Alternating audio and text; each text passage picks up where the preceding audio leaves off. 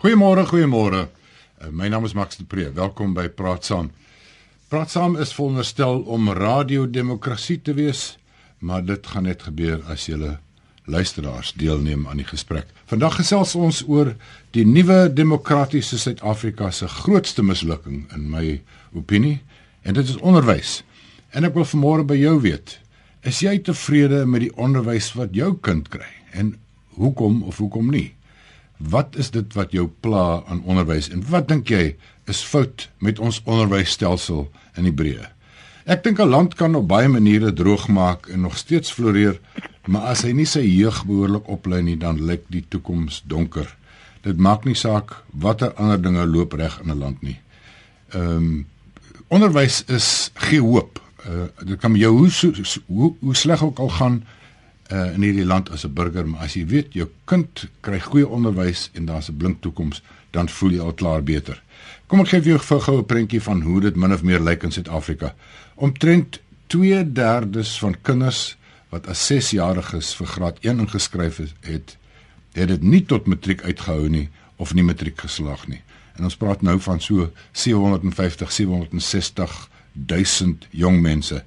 Mense wat nou baie min hoop het om ooit bevredigende werk te kry. Die voormalige model C skole produseer omtrent die helfte van alle gegradueerdes aan universiteite.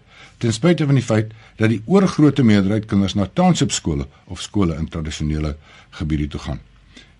Model C skole maak maar 21% van staatskole uit. Nou ons het kennis geneem die laaste jaar of so dat studies het gevind dat die tipiese graad 6 kind in Suid-Afrika funksioneel ongeletterd is. Beteken hy of sy kan nie eens 'n eenvoudige paragraaf lees of verstaan nie. En die slegte nuus was ons vaar slegter as alle ander lande in Sub-Sahara Afrika. Al bestee ons baie meer aan ons uh, onderwys, so wat 6% van ons redelik aansienlike bruto nasionale produk Ons spandeer iets soos 240 miljard rand aan onderwys. Hoe op dese aarde wil ek weet gaan ons 'n meer gelyke regverdige gemeenskap bou as die meeste wit kinders na goeie skole toe gaan en die meeste swart kinders na vrot skole. Ek dink ons moet maar saamstem, dit is 'n krisis.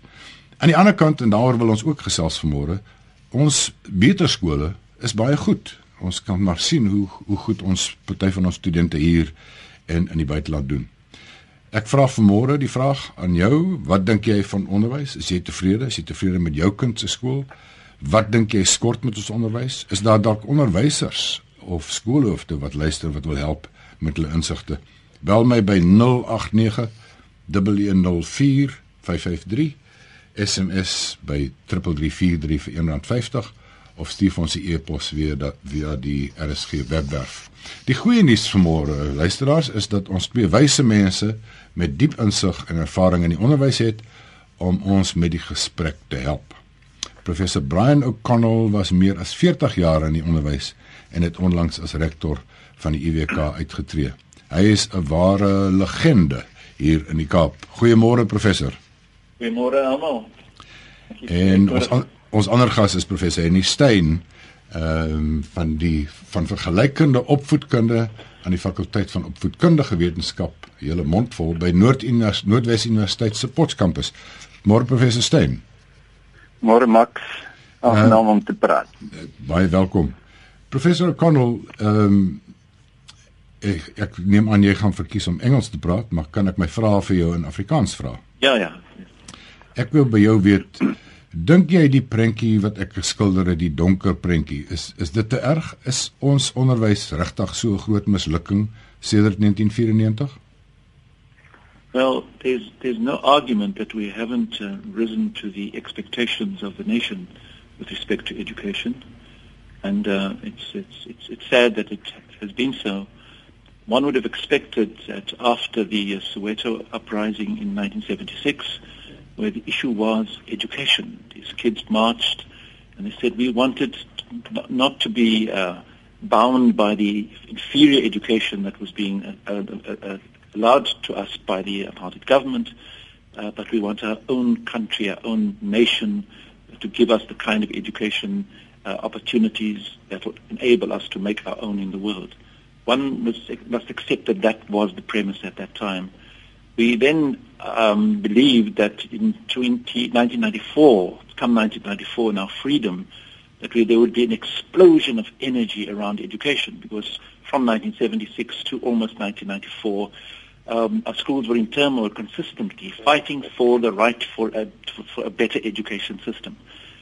Well, uh, the problem that we didn't anticipate was that when we redistribute the resources available to the country equitably, it t- turns out to be something very different from what we expected.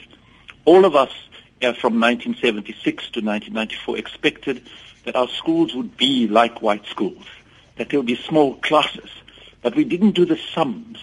And when the sums were eventually done for us, to our horror, we found out that even if we use 20% of the fiscus, of the budget of this country, it's not going to give us anything close to the expectation that we had. And I think this has had a lot to do with the fact that some people are not um, as confident as they can be that it's possible for us in a country like ours with our challenges actually to de- develop a very, very powerful uh, uh, education system and uh, that everyone in that system would have total commitment to it. So there is a big problem. There's no doubt about it. Uh, but uh, I'm, I'm, I'm hopeful now that uh, with uh, international, new, new national discourses and new understandings about uh, the danger South Africa is in if we do not, in the shortest possible time, commit ourselves fully to all of us being fully, fully, fully engaged with education, uh, we, we might be in a very, very difficult uh, situation and our future would be in, in, in doubt. Professor Stein, um, wat is jou? Uh, soos uh, professor O'Connell nou praat, uh, hy's 'n ou man in die struggle gewees en uh, hy sal baie goed weet dat onderwys was 'n sterk deel van die Freedom Charter, die Vryheidsmanifest en dit is ook 'n sterk deel van ons grondwet. En dis die twee plekke, dis die een ding waar ons tekort geskiet het. Stem jy saam met die met die ehm uh, oordeel? Max, mag ek net een ding voor dit sê? Twee goed voor dit sê. Hmm. Ek wil die een ding beklemtoon wat jy gesê het. Uh onthou als in ons onderwys is nie sleg nie. Ons het regtig en as ek nou my eerste jaar studente altyd kry dan sê ek vir hulle en jou ouma sê vir jou jy wil gaan onderwyser word en kyk hoe gaan dit in die onderwys.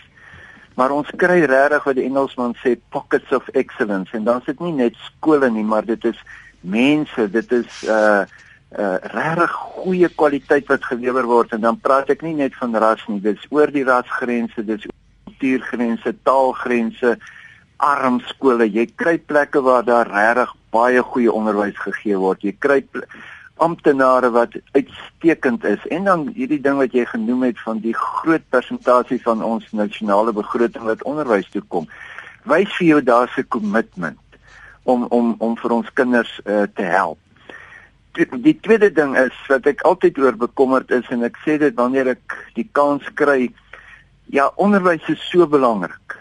Maar Max nou kry die ou die kwalifikasie. Wat doen hy met daai kwalifikasie? Is daar in die ekonomie die werksgeleenthede sodat hy met hierdie graad kwalifikasie of hierdie matriek kwalifikasie kan uitstap en gaan werk kry? Hmm. en ons mag nie daardie uh, negatiewe invloed daardie uh, idee. Ek het nou die kwalifikasie dat ons uh, maar ek kry nie werk daarmee nie dat ons dit uh, onderskat nie. Dis regtig ja, so die twee goed wat ek wil sê is ons het regtig groot probleme in ons onderwys. En daar is nog nie genoeg gedoen nie. En uh, maar ons kry hierdie plekke van uitnemendheid en ons moet sorg dat die ekonomie en die res van die gemeenskap ook in hulle funksionering in die onderwys ondersteun. Die laaste dingetjie wat ek net so vir die wegtrek wil gee is Ons het daar was in 2010 'n groot navorsingsprojek van die departement. En een van die belangrikste onder uh, bevindinge in die dokument, na my mening is baie van ons onderwysers en ek moet amper sê die meeste van ons van ons onderwysers weet nie wat om te onderrig nie.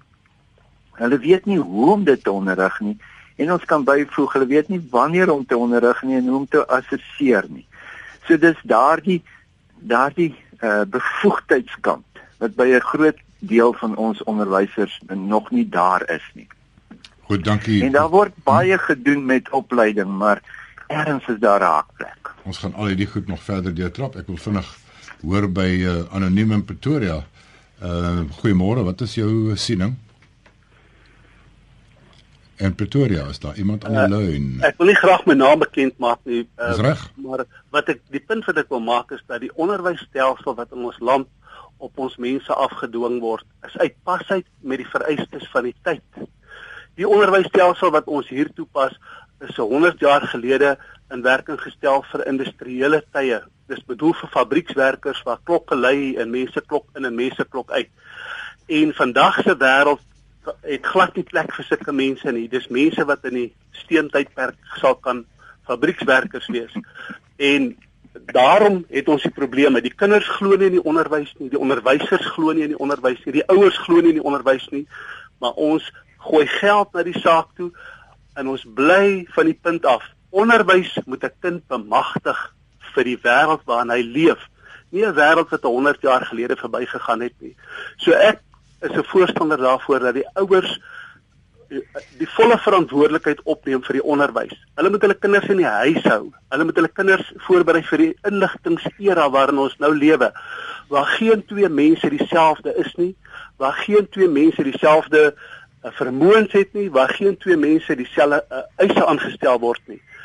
Ons moet ons onderwysstelsel terugvat na die ouerhuis toe, maar ons moet met tegnologie die ouers die geleentheid gee om relevante inligting vir die kinders deur te gee. Die massa onderwys wat ons nou doen word slegter by die dag. Uh 300 standaard 6se sit saam in 'n groep en hulle vorder volgens die pas van die gemiddelde kind. Die slim kinders word te nagekom en die dom kinders kan nie bybly nie. Dit is net nie van pas nie. Ons ry met 'n ossewa as ons in onderwystaal praat in plaas van met ruimtetuie wat ons nodig het vir die huidige generasie. Ek sou graag die geleerde vriende daaroor wil kommentaar hoor gee. Dankie, dit is 'n interessante siening. Uh, professor Connell, uh, klink dit vir jou uh, 'n uh, relevante opmerking om te maak dat ons onderwysstelsel is nie modern nie. Ons mense glo nie kinders, onderwysers en ouers glo nie meer in die onderwys nie want dit berei nie mense voor vir die moderne wêreld nie. Well, there's much to be said about that, but uh this modern world is, is changing at such a pace that uh, it will require very, very special people consistently to make the right decisions with respect to what the next thing is to do. We have a national education system and we must support that national education system because it's not possible for us to send everybody back to their homes and in that homes where large numbers of uh, family members have no uh, um, um uh, competence at all in, in, in, in supporting the child's development. Um, um, that uh, they would then have uh, that child is sort of in, in limbo. Uh, so it, it, it can't work that way. But there are ways in the 21st century to make education very, very relevant and very, very exciting. Um, many of those ways are very expensive ways. Um, but in, in, in, the way the argument is now being presented uh, is, is something that is being done in many, many countries, in, also in pockets, essentially, as they test the possibility of a, a, a, different kind of understanding of what schools and school, schools are and what schooling means. So we are, unfortunately, in a, in a, a living in a generation where dramatic change is occurring. And a man called Per Dalin speaks about 10 revolutions occurring simultaneously, mm. unprecedented in human history. And the current paradigms that we have will not support us in finding the answers. And this generation now alive, us, we, we are actually transition space. We have the, the difficulty of trying to find out how we actually operate and work in a, operate and live in a, in a, in the 21st century, especially given all of those incredible changes that are taking place, both socially and, and also naturally. So uh, it's, a, it's a difficult and complex time. But what we've got, we've got. We've got these buildings there. We've got people who have been trained to do that. And these people should be encouraged uh, to be the kinds of teachers that are, are, operating in the 21st century. But in order for us to do that, we've got a, a whole new cohort of, not a new cohort of teachers, but a, a, cohort of teachers who actually understand this and who are able to give expression to it in their classrooms. Where, and I know that I was at St. Columbus High School. It was a Catholic uh, high school uh, in Athlone, a, a colored high school. Uh, but the teaching there was fantastic. And uh, the uh, the boys who came out of there were all very very confident and very very uh, self assured because were given all kinds of opportunities in, in the school to, to, to give expression to that. So there are huge challenges that any nation must face. But given the fact that South Africa has had such a bad past, and and and and it's it's, it's like uh, anything that relates to uh, to change, and we think here of uh, anything evolutionary. Uh, when you create a new car, you don't suddenly change everything. You still keep the lights and you keep the wheels and things like that. And so it's not possible very quickly to, tra- to change everything and just uh, and, and and start anew. But in where we are now, we should be experimenting consistently about how we make the education relevant and how that education then relates to the world of work, as uh, was earlier expressed. Ja, dankie professor. Ek dink ons praat van tegnologie ook en dan uh, val dit my skielik op. Ons praat van ehm um, die gebruik van iPads byvoorbeeld in skole maar dan word ek daaraan herinner dat ons meer as 400 skole het, sogenaamde mud schools, modderskole. Mense wat onder bome skool gaan, mense wat wat nie elektrisiteit het nie. Dan skielik raak iPads en die soort van goed 'n bietjie absurd. Uh, ons sit ook soos die professor gesê het met 'n probleem in die verlede van baie van ons ouers uh is self nie geletterd nie. So die die standaard die die graad 8 kind kom by die huis en vra vir sy ma of sy pa help my met my huiswerk, maar sy ouers uh, is halfgeletterd of ongeletterd. So dit is een van die probleme. En dan vra ons die vraag, is daar nie 'n rol vir oud onderwysers nie? En ek het iemand aan die lyn uit die Noord-Kaap uit wat daaroor wil praat. Goeiemôre. Goeiemôre. en uh, baie dankie vir die geleentheid. Ek luister baie graag na die program en elke keer dan word ek risend kwaad vir mense wat inbel wat glad nie weet waarvan hulle praat nie. Ek het in die vroeë jaar laat 90 het ek opgehou met skoolhou. Ek het nou 3 jaar gelede weer gaan skoolhou. En die twee skole, dit was presies by dieselfde skool, verskil hemelsbreed van mekaar. Want ons het ewe skielik oorgeskakel van kinders wat uit gemiddelde inkomstehuise gekom het na kinders wat uit die grootste gedeelte van ons klasse bestaan het uit kinders wat uit die plakkerskampe en die agtergeblewe gedeelte gekom het. En as jy in graad ek is 'n junior primêre onderwyseres, as jy in graad 1 daardie kind waar hy moet begin leer lees, wiskunde doen, huis toe stuur en hy het nie 'n ouer wat geletterd is nie. Hmm. Wat gebeur? Dit bly ons gaan nie ons gaan nie ons onderwys reg kry as ons nie eers 'n 'n ouderdomsgroep kinders kan opvoed wat weer hulle eie kinders kan opvoed nie. En ek is jammer om dit te sê ek weet nie hoe dit gaan regkry nie. Ek praat nie van skole waar die kinders uit huise kom wat bevoorreg is wat Ja, ek hoor die man praat van iPads en rekenaars en wat ook al. Hierdie kinders kan nie eens 'n potlood vashou nie. En dit is wat vir my so hartseer is. Ons moet hierdie kinders probeer help. Maar 'n onderwyser se krag gaan ook net so ver. As jy 'n klas van 40, 45 het, kan jy aan elkeen van hulle wat sukkel spesifiek aandag gee nie.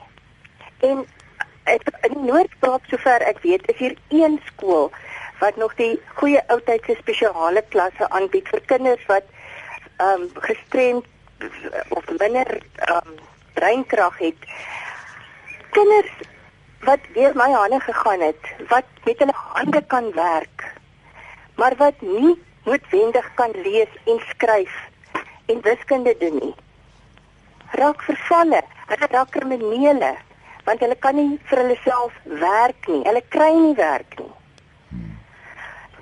En ek is ek sal betaal as ek net kan 'n verandering kry in ons onderwysstelsel. Dit help nie om die onderwysstelsel elke paar jaar te verander nie. Ons moet die die ek ek 20, 30, 40, 30 100 jaar terug gaan.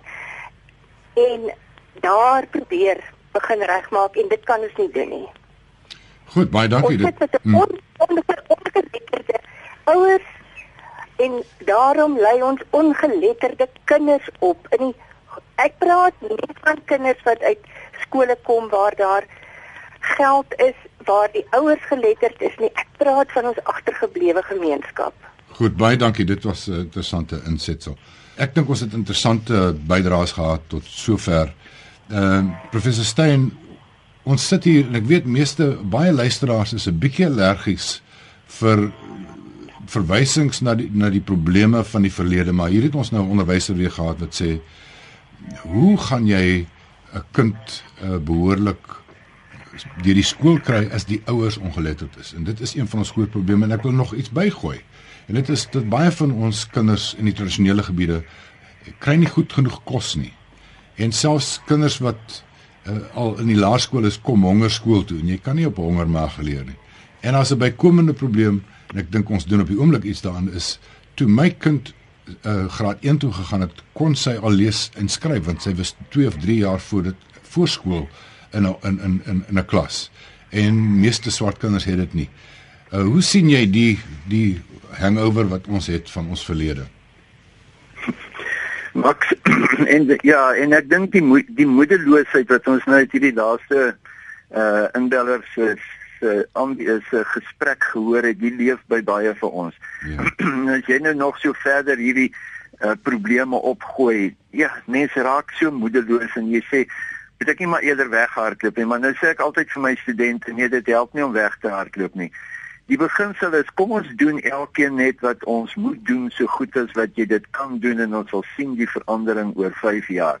Maar kan ek net ook teruggaan na die ja, anoniem van Pretoria wat sê die onderwys moet verniet en weet jy Max, een van die belangrike goed wat hy daar sê is onderwys is kommunikasie. Nou kommunikasie het oor jare verander, né? Nee, dit was eers die mondelinge kommunikasie Sokrates se tyd en toe met die boekdrukkuns kom die ges geskrewe woord by. Maar ons is nou in die hipermedia tyd. Maar weet jy wat gebeur in ons skole nog eintlik? Ons gaan terug na die uh, geskrewe en die gesproke woord. Maar die die die hipermedia, dit is nie deel van die kommunikasie met ons kinders nie. En toe kom jy en sê tegnologie en die kostes van tablette en die goeders. En daar's baie ander maniere Max om goedkoop tegnologie aan te wend. En en hierdie ding wat ek byvoorbeeld nou in my hand het, die selfoon is na my mening een van die kragtige goeders wat ons kan gebruik. Wat jy in die klas vir die onderwysers kan gee om daardie uh on, ontwikkeling te kan doen. Daarso. Ek was ons was nou in Zambië gewees so 2 maande terug. En in een van die diep plattelandse dorpies Daar loop die mense met selfone. Ek sê hoe's dit? Nee, hulle het hierdie uh, solar uh leiers daar en hulle hmm. laai dit en hulle kommunikeer die wêreld. Moet net nie dink en daar en ons het regtig die bewyse en die ontwikkeling ook al gedoen. Dit kan werk. Dit kan werk. En dan kom dit ons is byvoorbeeld nou baie betrokke ook by die uh, graad R uh, klasse by privaat skole in in die diep plakkerskampe. Weet jy en dan dan kom jy daar en dan is is daar hier eintlik 'n moderne TV wat ons gebruik en die kinders lewe daar want dit is wat hulle wat hulle uh, doen en dit is na my mening waar ons moet die die die die bronne ook beskikbaar stel om hierdie mense want dit is privaat skole hulle dis hulle eie verantwoordelikheid maar jy gee net daai bietjie hulp om om om die die ondersteuning te gee. Dan byvoorbeeld deur die selfoon dit wat jy nou praat ook van om die ouers te help om die ouers te bemagtig deur die selfoon, deur hierdie soort van tegnologie om hulle kinders te kan help sodat hulle nou nie so onnoosel lyk teenoor die arme kinders nie. Dankie. Kom ons hoor vinnig voor ons na professor O'Connell toe gaan van Anne in Gauteng. Goeiemôre. Nee, daar nie enige. Mag jy aan nee. O, aan nee. Uh, Goeiemôre aan nee, my apologie. Goed, goed. Welkom by Praat saam.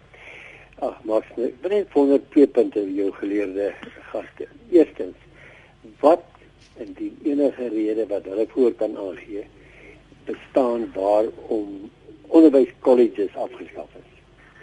Tweedens, wat is die onderliggende rede waarom net die basiese onderrig van lees en skryf en sommemaak wat geval het? Hmm. Goed, kan ons wel 'n vraag? Dankie. Dankie. Professor Connell, uh, ons praat oor die gehalte van onderwysers. Uh, ek is aangenaam verras dat die die helfte van die luisteraars nog nie uh vir SATU die vakbond blameer het nie want dit is deesdae die grootste antwoord as jy vra wat is vir fout met die onderwys dan sê hulle die vakbonde en veral die die South African Democratic Teachers Union. Maar kom ons praat oor oor uh, onderwysers, die gehalte van ons onderwysers, die vergoeding wat ons onderwysers kry, die opleiding wat hulle gekry het. Ons ons inbeller wou nou juist weet hoekom is die onderwys colleges afgeskaf. 'n Bietjie uh, van jou ervaring oor die gehalte van onderwys en opleiding? Well, uh, the um universities are, are, are the, the sites of teacher education now, and that was done in order to um, take the um, the profession to a higher level. Um, I thought at the time that it was a, a, a good idea, and it and it should still be a good idea. Um, but our problems lie elsewhere, uh, largely elsewhere.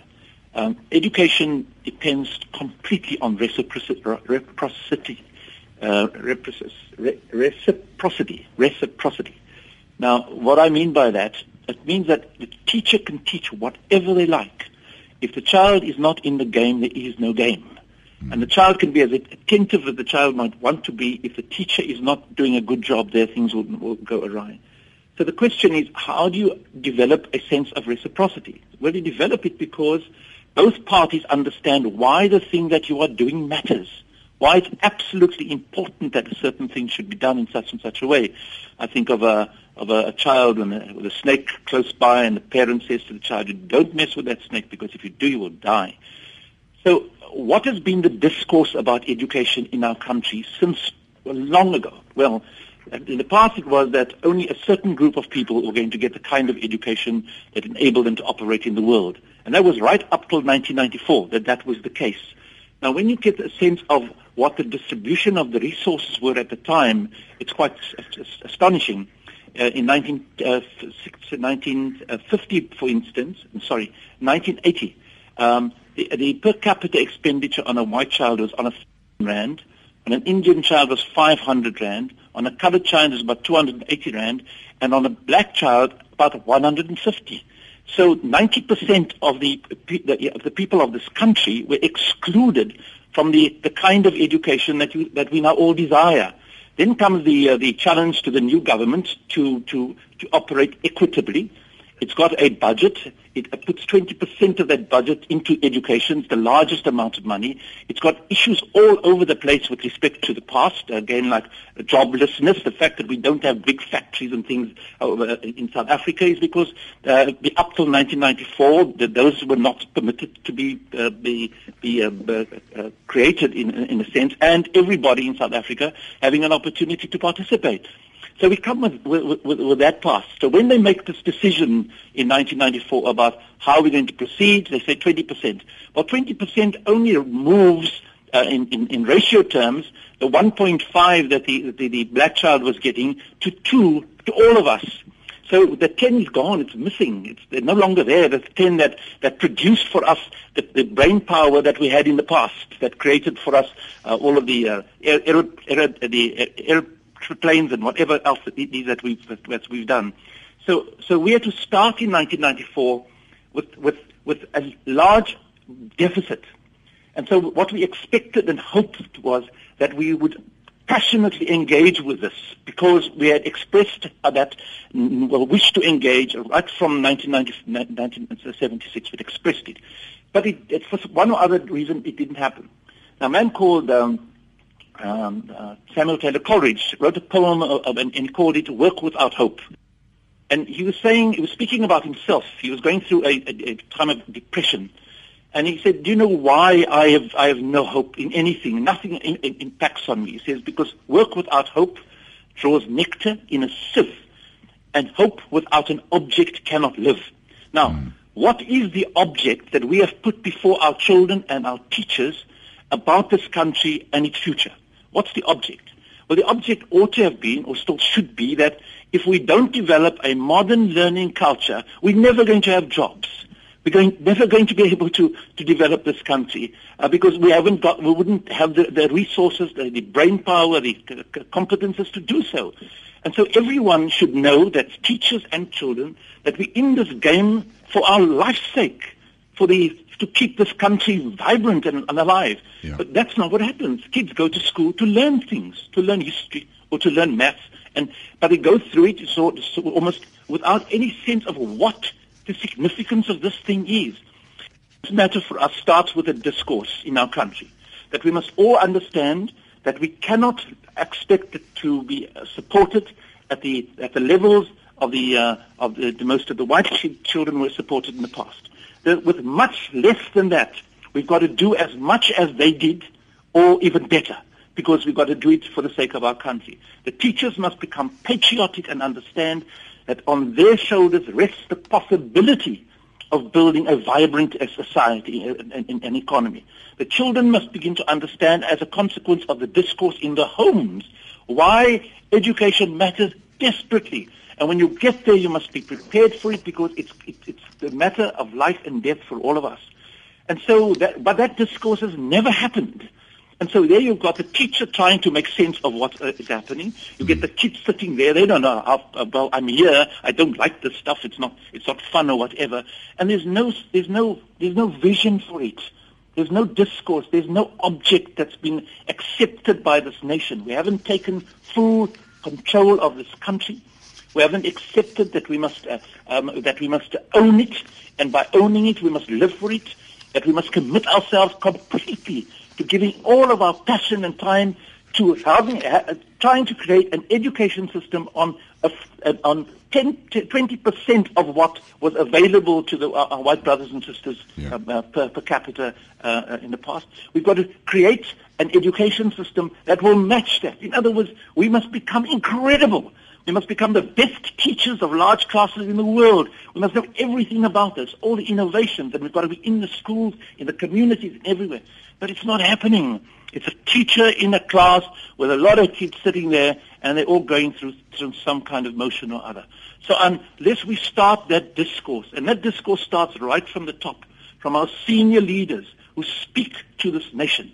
Say, people, I want you all on Monday uh, uh, uh, evening at 7 o'clock to be at a, t- a television or a, or a radio. I, the president, want to talk to you. Yeah. And then the president outlines for us the horrible danger we are in. We're slipping into an abyss because we are not doing what we can or should be doing in order to, to, to build this country. Yeah. And we have, no, there's no problem with respect to the potential of our people. We know this to be true. As you come to the University of the Western Cape and the kids come here out of school and we feel sorry for them because they are so badly prepared. We hold on to a large number of them by hook or by crook by the second year, they're operating well. By the third year, they're flying. By the fourth year, they are incredible. And then they go out getting first-class PhDs all over the world. There's nothing wrong with our potential. But we haven't established the object. What is this all about? That we must accomplish with much less than our brothers and sisters, our white brothers and sisters had in the past. We yeah. must become extraordinary in the in the, uh, the, the product, with respect to the project of education in South Africa. And so we must get this right from the top, as we are uh, we are.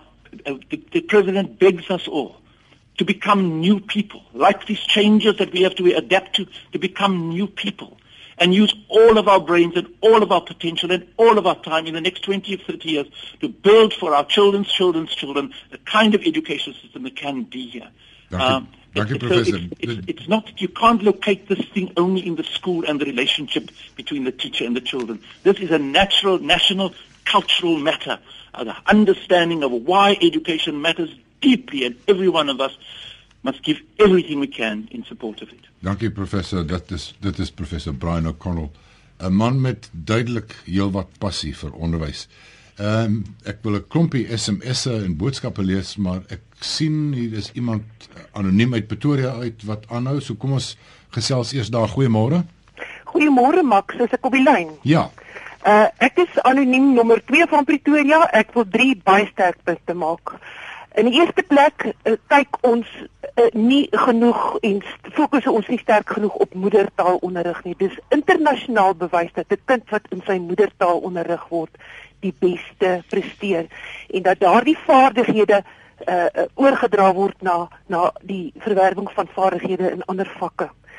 Uh so ek wil nie my verder daarop uitlaat nie. Ek weet die meeste kinders stem met my saam. In die tweede plek het professor Steyn van die Noordwes gepraat van daar word nie geweet wat om te onderrig nie. Professor O'Connell het verwys na special people and consistently uh, uh uit verwys na uh, woorde soos relevant en experiment. Dit alles dui daarop dat daar een groot behoefte is ten opsigte van onderwys wat heeltemal misgekyk word en dit is die wetenskaplike kurrikulumontwikkeling wat in ons land plaasvind uh, uh, wat in ons land nodig is en ek bepleit dat daar 'n nasionale kurrikulumontwikkelingsinstelling moet kom wat op 'n kontinuerlike basis ons kurrikulum moet ontwikkel. Ons ontwikkel vir die afgelope 20 jaar ons kurrikulums op 'n probeer en tref metode en al hierdie dinge die die totale samelewingseise en dit sluit tegnologie in sal daardeur bereken word maar dit moet op 'n kontinuerlike basis gedoen word. Max en dan jy verwys ja, na die onderwysunie SADU. Uh Aan die einde van verlede jaar het ons gesien dat die ANC regering speel met die idee van om onderwys in noodsaaklike diens verklaar te kry. En later het hulle begin retireer wat dit aanbetref, hulle het begin nuwe interpretasie aan die term essential services uh, uh, te koppel uh, omdat hulle besef het hulle gaan 'n uh, uh, houe kry van Sadou se kant af want hulle is bang vir die unies. Maar ek sien nou vir jou Sadou het 'n wurggreep op onderwys en dis dit nie gebreek word nie en dit sny aan by wat professor O'Connell uh, na verwys het die president moet vir onderwysers uh, uh, uh, motiveer om in hulle klaskamers te wees ensovoorts. Ja. Uh, gaan kyk na die lys van noodsaaklike dienste in ons land. Kan jy glo die parlement is ook 'n noodsaaklike diens? Uh, ja en ons sal na die grondwet moet gaan kyk uh, in terme van grondwetlike regte van kinders teenoor onderwysers. Maar dit is die belangrikste sake wat ek sou wou aanspreek en nie wat onderwyskolleges aanbetref. Dit is 'n groot fout om die onderwyskolleges te sluit want die onderwyskolleges het gefokus op die opleiding van onderwysers vir die primêre skole. En daar is 'n aanslag altyd gewees om die kind te koester of te nurture deur sy skoolloopbaan. Ja. dit het volledig geraak deur onderwyskolleges te koppel aan die universiteite. Dankie vir die geleentheid. Baie dankie, dankie. Ons kry interessante bydraes. Laat ek vinnig voor ek uh, vir vir Renny Stein vra 'n uh, paar uh, boodskappe lees. Uh Piet sê die probleem tussen die wit skole en die sogenaamde swart skole is eerstens die staat want hulle laat die swart skole in die in die steek deur 'n gebrek aan voldoende befondsing. En tweedens is daar die probleem van onderwysers in die swart onderwysers in die swart skole. Die meerderheid swart onderwysers is pateties en het nie selfrespek nie. En dan derdens is daar uh die politiek, dit moenie geduld word by skole nie en geen politieke inmenging moet plaasvind nie. Anoniem van Heidelberg sê onderwys is 'n roeping, uh onderwysers wat werklik geroepe voel en professioneel opgelei is. Ehm uh, ja, ek sukkel om die sin klaar te lees. Uh Ansie sê bring dissipline en orde terug. Kinders het nie meer respek vir onderwysers en groot mense nie. Dis 'n ewel dat kinders nie mag druip nie. Iemand anders sê politiek uit onderwys, kinders moet gefokus wees. Meeste onderwysers het nie matriek nie. Bring onderwyskolleges terug. Ehm um, Iemand sê ons onderwysstatus is die gevolg van liberation before education. Uh, dit is Gideon van Potts, ons het 'n kopskuif nodig. Oud onderwysers sê open weer al die onderwyskolleges wat toegemaak is en lei weer studente op soos van ouds. Ehm um, heelwat mense praat oor die slaagsyfer. Uh Elise gou sê hoe gouer ons almal in Engels as voertaal in al die skole begin opvoed hoe beter. En mense eie taal kan dan as tweede taal aangebied word. Slagsyfer van 50% in Engels in elke graad of kind word nie bevorder nie. Daar sal geweerklag word vir 'n jaar of twee en dan sal almal daaraan gewoond wees.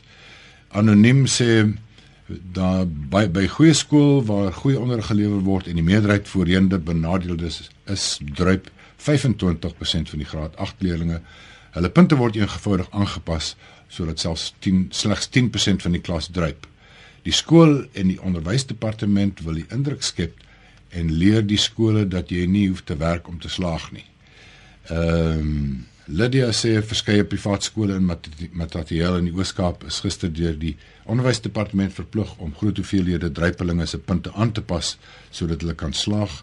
Onderwysers is moedeloos en ontmoedig na al die werk hierdie jaar om leerlinge regverdig te evalueer. Willem van Engeland sê die vraag is of die gemeenskap opgelei wil word. Daai vraag moet eers beantwoord word voordat jy oor geld, model C skole of nie funksionele skole gepraat word.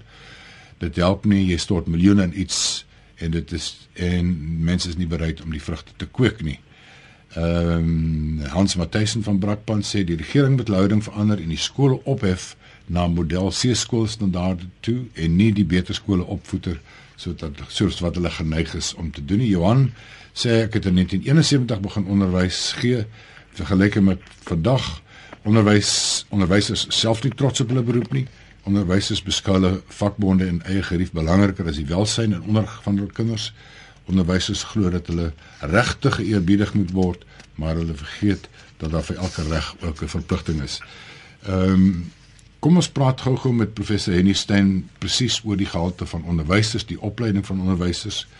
Ehm um, Henny Stein, ons het nou al ek het al hoeveel storieetjies gelees van uh, 'n skool in 'n plakkerskamp of in 'n tradisionele uh, landelike gebied wat 'n 80, 90 of 100% slagsyfer het en die skool 'n kilometer verder het 100% misluksyfer dan gaan dit uiteindelik oor die leierskap van die skoolhoof.